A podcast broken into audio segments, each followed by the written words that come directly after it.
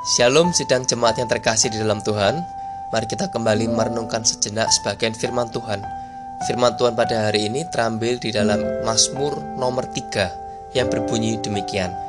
Mazmur Daud ketika ia lari dari Absalom anaknya Ya Tuhan, betapa banyaknya lawanku. Banyak orang yang bangkit menyerang aku.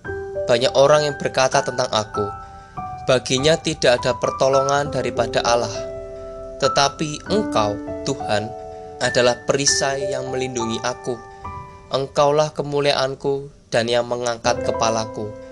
Dengan nyaring aku berseru kepada Tuhan, dan Ia menjawab aku dari gunungnya yang kudus. Aku membaringkan diri, lalu tidur. Aku bangun sebab Tuhan menopang aku.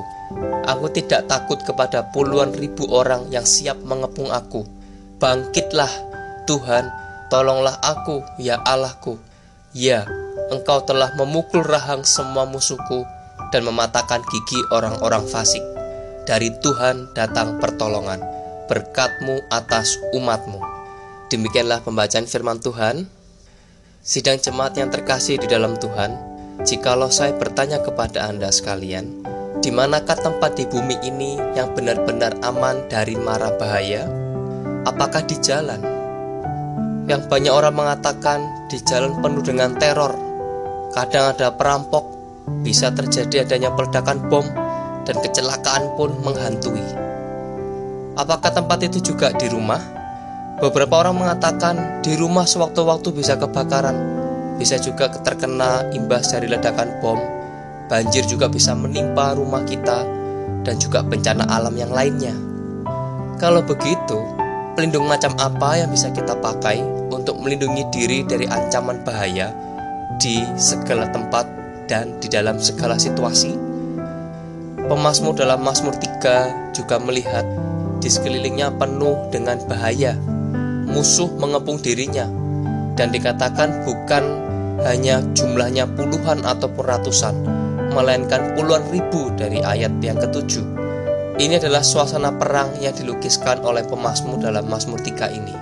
Pemasmur sedang terjepit dari segala pihak. Dan menurut judul Mazmur ini, Daud sedang menghadapi makar dari putranya sendiri, yaitu Absalom.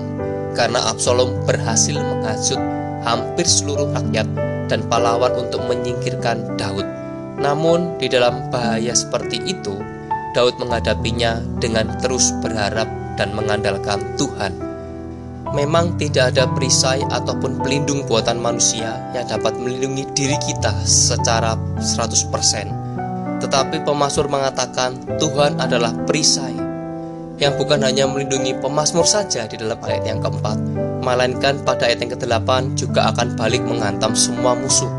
Dari situlah pemasmur merasa tenang dan nyaman. Akhirnya dia tidak khawatir lagi, bahkan mampu tidur dengan nyenyak karena perlindungan Tuhan karena pelindungan darinya pasti adanya. Sidang jemaat yang terkasih di dalam Tuhan, sejarah mengajarkan kepada kita bahwa kita tidak dapat mempercayakan perlindungan kita sepenuhnya pada segala sesuatu yang ada di dalam dunia ini. Jikalau engkau termasuk orang yang di dalam hidupmu mengandalkan uang, jabatan, nama baik, senjata, kepandaian, rekan ataupun sahabat, dan yang lain-lainnya, maka segeralah bertobat dan berpindah haluan dan bergantunglah hanya kepada Tuhan saja, Tuhan kita, Tuhan Yesus Kristus. Karena jaminan sejati tidak datang dari dunia ini, tetapi dari surga, yaitu ada di dalam Tuhan kita. Akhir kata, andalkanlah Dia senantiasa, dan Tuhan akan menolongmu, yang tentunya jikalau engkau senantiasa bersandar hanya kepadanya serta mau setia dan taat kepadanya. Tuhan Yesus memberkati. Amin.